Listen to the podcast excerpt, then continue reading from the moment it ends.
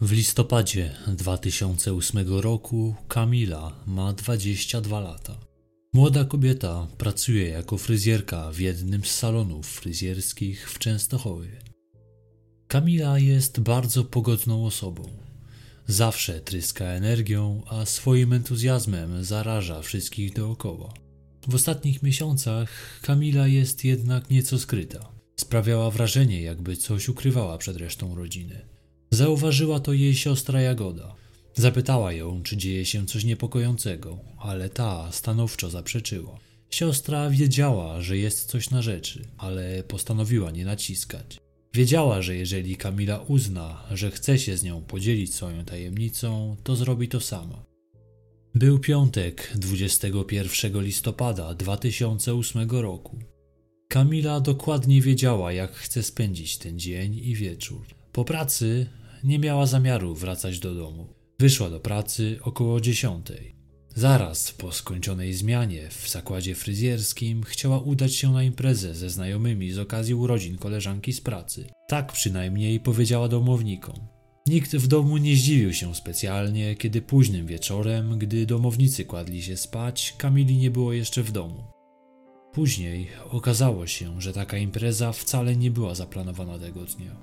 W rzeczywistości Kamila miała spotkać się tego wieczoru ze swoim dobrym znajomym, Rafałem, z którym to umówiła się na piwo. Spokój najbliższych 22-latki został zakłócony następnego dnia rano. Kiedy nie było jej w pokoju, nikt jeszcze nie podejrzewał, że mogło stać się cokolwiek niepokojącego. Domownicy pomyśleli, że Kamila noc spędziła u swojej koleżanki i wróci jak się wyśpi. Spokój rodziny wdowińskich szybko został jednak przerwany. Po południu zadzwonił telefon.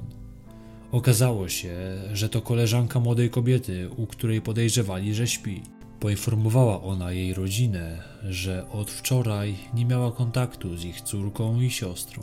Te wieści postawiły całą rodzinę na nogi. Czym prędzej udali się na policję, by zgłosić zaginięcie swojej bliskiej.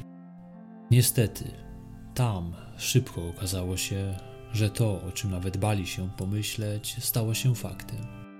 Krystynie, matce, która pojawiła się na komendzie policji, funkcjonariusze pokazali zdjęcia, których nigdy żadna matka nie powinna zobaczyć. Na fotografiach widniała Kamila, a raczej jej martwe ciało.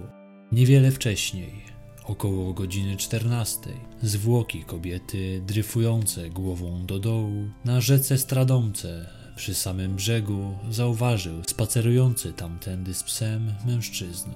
Rzeka w tym miejscu jest płytka. Osiąga jakieś 40 cm głębokości, zatem ciało nie przemieszczało się dalej. Zrozpaczona Krystyna straciła jakąkolwiek nadzieję, że kiedykolwiek spotka się jeszcze ze swoją 22-letnią córką. Pozostaje jednak pytanie, kto i dlaczego skrzywdził Kamilę. Sposób porzucenia ciała sugerować może motyw seksualny. Kobieta miała podniesioną bluzkę na wysokość piersi. Miała też ściągnięte spodnie. Biustonosz był przecięty. Nie znaleziono jednak torebki, co nie pozwala wykluczyć, że sprawca mógł działać z pobudek finansowych, a rozebrał swoją ofiarę, by zmylić organy ścigania. Zginęła także biżuteria, którą miała przy sobie Kamila, a także jej biała kurtka oraz telefon komórkowy. Nie znaleziono również kolczyków, które ofiara miała na sobie w momencie śmierci. Śledczy przeprowadzający oględziny okolic miejsca, w których znalezione zostały zwłoki, nie natrafili na żadne ślady.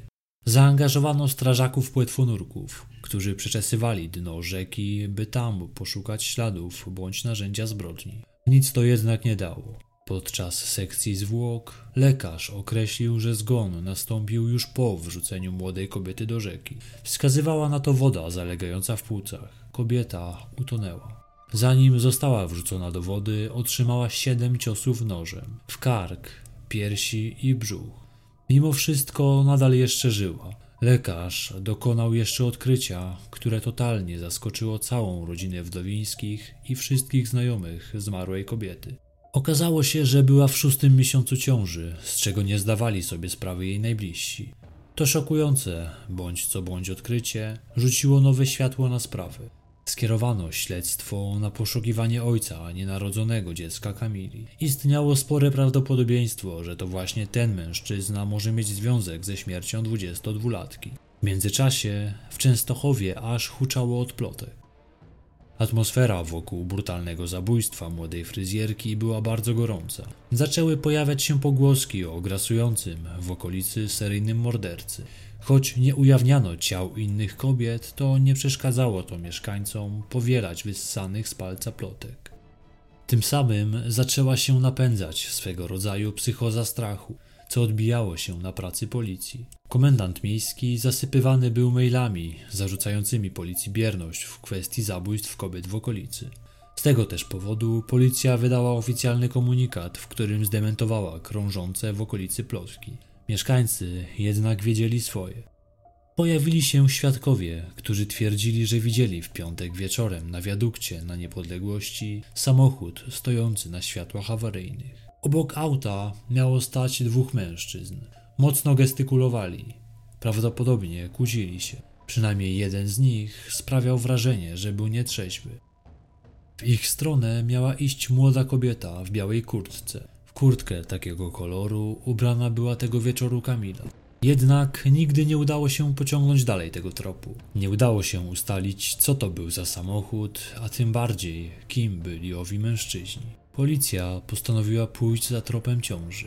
W ten sposób dość szybko śledczym udało się dotrzeć do poszukiwanego mężczyzny.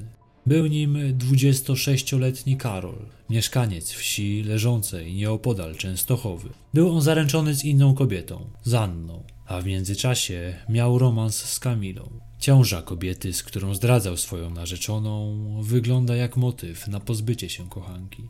Mężczyzna namawiał Kamilę, by ta usunęła ciążę, jednak ona tego nie zrobiła. Sama zdradzona kobieta wiedziała o romansie narzeczonego. Policja przejrzała bilingi z jej telefonu. Wynikało z nich, że Anna wysyłała SMSy z groźbami do Kamili. Wściekła narzeczona miała przestrzegać kochankę swojego partnera, żeby lepiej uważała na siebie, bo coś może jej się stać. 22-latka otrzymywała też głuche telefony. Poprosiła swojego brata Damiana, by oddzwonił na dręczący ją numer i spróbował przemówić do rozsądku osobie, która jej grozi. Po drugiej stronie odezwał się męski głos. Mężczyzna powiedział, że wie, że rozmawia z bratem Kamili i że ta dostanie nauczkę tak czy tak. Potem połączenie się urwało. Jagoda Wdowińska, siostra ofiary, uważa, że Piotrek, znajomy zdradzanej kobiety, miał przez jakiś czas śledzić Kamilę. Miał też ostrzegać 22-latkę, żeby odczepiła się od Karola. Czekał na nią po pracy i robił jej zdjęcia z ukrycia. Okazało się jednak, że Karol miał mocne alibi na czas zabójstwa i szybko wykluczono go z grona podejrzanych o te zbrodnie. Mężczyzna miał w trakcie, gdy dochodziło do zabójstwa, być w delegacji służbowej, co potwierdził jego pracodawca. Sprawdzano także jego telefon pod kątem lokalizacji, w jakiej znajdował się w godzinach, w których doszło do zbrodni. Wskazywały one jasno, że Karol był w Warszawie, wiele kilometrów od Częstochowy. Również nie znaleziono żadnego dowodu, by jego narzeczona miała cokolwiek wspólnego ze śmiercią Kamili. Nigdy też nie odnaleziono telefonu zamordowanej kobiety.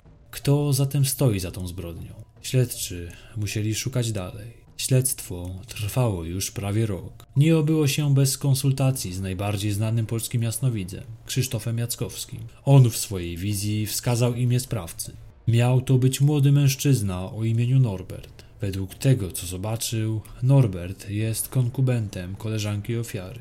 Jak się później okazało, pomoc jasnowidza okazała się nieoceniona. Udało się w końcu dotrzeć do kolejnego podejrzanego. Był nim 23-letni mieszkaniec Częstochowy pochodzenia romskiego, Norbert B. Mężczyzna był już wcześniej kilkukrotnie notowany. W okresie jednego miesiąca, od maja do czerwca 2008 roku, dokonał on pięciu kradzieży oraz rozbojów. Napadł na dwa salony gier, a także na punkt ksero w centrum miasta. Norbert znał Kamilę. Mieszkał w tej samej klatce schodowej co rodzina Wdowińskich. Mężczyzna został przewieziony na komisariat w celu przesłuchania. W trakcie jego trwania przyznał się do zabicia młodej kobiety. Powiedział, że tego wieczoru szedł za nią, by ukraść jej torebkę. Jednak sprawy potoczyły się inaczej niż zaplanował i sytuacja wymknęła się spod kontroli. A kobieta sama miała nadziać się w trakcie szarpaniny na nóż, który trzymał. Gdy zauważył ślady krwi na ostrzu, postanowił dalej zadawać ciosy trzymanym w lewej dłoni narzędziem. Nie było jednak nigdzie noża, którym dokonano zabójstwa. Sam Norbert twierdzi, że wyrzucił go gdzieś w krzaki, ale nie pamięta gdzie. Policja go nie znalazła. Jaki był przebieg wydarzeń 21 listopada 2008 roku? Ustalono go na podstawie zeznań świadków oraz zapisu kamer z miejskiego monitoringu. Dodatkowo wyjaśnienia złożone przez Norberta nie pozostawiały złudzeń, że to właśnie on musi być sprawcą. Kamila kończyła pracę o godzinie 19. Wbrew wcześniejszym ustaleniom z rodzicami, postanowiła nie udawać się na imprezę, tylko prosto do domu. Zabrała ze sobą dwie butelki wody utlenionej. W sobotę umówiona była na wizytę w domu swojej klientki w celu rozjaśnienia jej włosów. Kobieta do domu wybrała się jak zwykle przez ulicę Bur. Jest to mało uczęszczana trasa, która prowadzi przez tory kolejowe. Był to jednak niewątpliwy skrót. Dlatego na tę właśnie drogę zdecydowała się Kamila, mimo iż wcześniej matka przestrzegała ją niejednokrotnie przed chodzeniem tamtędy. Do pokonania miała około 3 kilometry. Powinna pojawić się w domu około pół godziny od wyjścia z pracy. Jednak nieoczekiwanie za jej plecami pojawił się Norbert B., który postanowił napaść na nią i okraść ją. Na głowie Kamila miała założony kaptur, więc mężczyzna nie rozpoznał kim była. Nie miał pojęcia, że jest to jego sąsiadka. Gdy już ją zaatakował, zdał sobie sprawę, że kobieta z całą pewnością go rozpozna. Spanikował. Zaciągnął 22-latkę pod most, na którym ją zaatakował i tam zadał serię ciosów nożem. Potem postanowił upozorować napaść na tle seksualnym, a następnie wrzucił kobietę do rzeki. Zabrał torebkę, w której był portfel i telefon. Jednak jego łup nie był okazały. W portfelu było zaledwie kilka złotych, za które mężczyzna kupił sobie piwo. Czy to już koniec sprawy? Wszystko by na to wskazywało. Wydawać by się mogło, że nie ma cienia wątpliwości, kto zabił Kamilę. Sam podejrzany przyznał się do popełnienia zbrodni. Nieoczekiwanie jednak, przesłuchiwany trzy dni później przez prokuraturę, Norbert wyrzekł się, jakoby miał cokolwiek wspólnego ze śmiercią 22-letniej mieszkanki Częstochowy. Zaprzeczył nawet, jakoby ją w ogóle znał. Okazało się, że z powodów formalnych nie było można wykorzystać wcześniej złożonych przez niego zeznań. Podczas przesłuchania na komendzie Norbert wystąpił w charakterze świadka, nie w charakterze podejrzanego. Z tego też względu nic z tego, co powiedział, nie mogło zostać wykorzystane przeciw niemu w dalszej części postępowania. Samo przesłuchanie nie zostało zarejestrowane, zatem nie można było go odtworzyć. Dobrze poinformowany adwokat, znający się na prawie, wie, że takie błędy będzie można wykorzystać. Norbert w rozmowie z prokuratorem powiedział, że w pierwszym przesłuchaniu policjanci sami sugerowali mu, co ma mówić. On sam był zmęczony i bardzo podatny na wszelkie sugestie. W samym przesłuchaniu nie brał też udziału prokurator, co powinno mieć miejsce. Nikt jednak z niewiadomych przyczyn nie wezwał prokuratora. Tym samym brakowało karty przetargowej, która pomogłaby skazać mężczyznę. Nie było też żadnych śladów ani dowodów świadczących bezpośrednio o jego winie. Dzień po zabójstwie spadł śnieg, który mógł przykryć ślady pozostawione przez sprawcę. Taką wersję przyjęli śledczy. Tyle, że pod most nie dostawał się śnieg. Norbert trafił do więzienia, ale za rozboje. Z tego tytułu przyszło mu odsiedzieć 4 lata za kratkami, a śledztwo w sprawie śmierci Kamili stanęło w martwym punkcie. Teoretycznie wszyscy wiedzieli, kto zabił, ale nie było jak tego udowodnić. Śledztwo zostało umorzone jeszcze w 2009 roku. Pomimo odwołania ze strony matki Kamili, sąd utrzymał postanowienie o umorzeniu. Rok po śmierci fryzjerki, jej matka pojawiła się w miejscu, gdzie najprawdopodobniej zginęła. Pojawiała się tam często, kilka razy w tygodniu. W tym miejscu były pozostawione znicze upamiętniające wydarzenia z 21 listopada 2008 roku. Krystyna znalazła kartkę włożoną w kwiaty leżące wśród zniczy. Treść zapisana na kartce brzmiała: Sprawców było dwóch, a jeden z nich musi być ojcem dziecka. Kartkę kobieta oddała policji. Jednak nie wykryto na niej żadnych odcisków palca. Nie mogła ona posłużyć również jako dowód w sprawie. W ten sposób przez lata nikt nie odpowiadał za zabicie młodej fryzjerki z Częstochowy. W piątą rocznicę śmierci fryzjerki, w miejscu, gdzie najprawdopodobniej została pozbawiona życia, powstał mural z jej podobizną, upamiętniający Kamilę Wdowińską. Wykonany został przez jej znajomych. Niestety, szybko znalazł się ktoś, kto zaczął dewastować mural. Pojawiły się na nim napisy szargające pamięć po zmarłej kobiecie. Matka i siostra przychodziły na miejsce, by zamazywać szkalujące treści. Kto i dlaczego dopuszcza się tak haniebnych aktów wandalizmu? Rodzina podejrzewa, że może być to sprawca. Nie wykluczają tego też organy ścigania. Jednak nie udało się nikogo przyłapać na gorącym uczynku. W 2017 roku Sprawę przejęła ekipa z archiwum Mix w Komendzie Wojewódzkiej Policji w Katowicach. Tym samym w sercach najbliższych Kamili znów pojawiła się nadzieja na sprawiedliwość. Niestety do dziś nie udało się rozwiązać tej sprawy. Mimo iż upłynęło już 13 lat, to najbliżsi Kamili nadal cierpią z powodu tego, co wydarzyło się 21 listopada 2008 roku. Czy kiedykolwiek doczekają się sprawiedliwości? Jakie jest Wasze zdanie w tej sprawie? Czy Waszym zdaniem sprawcą był Norbert, który początkowo przyznał się do zabójstwa? Czy jakikolwiek związek ze sprawą mogą mieć dwaj mężczyźni widziani przez jednego ze świadków na moście? A może Karol lub jego narzeczona postanowili pozbyć się kobiety, która mogła pokrzyżować ich wspólne plany? Dajcie znać, co Wy uważacie.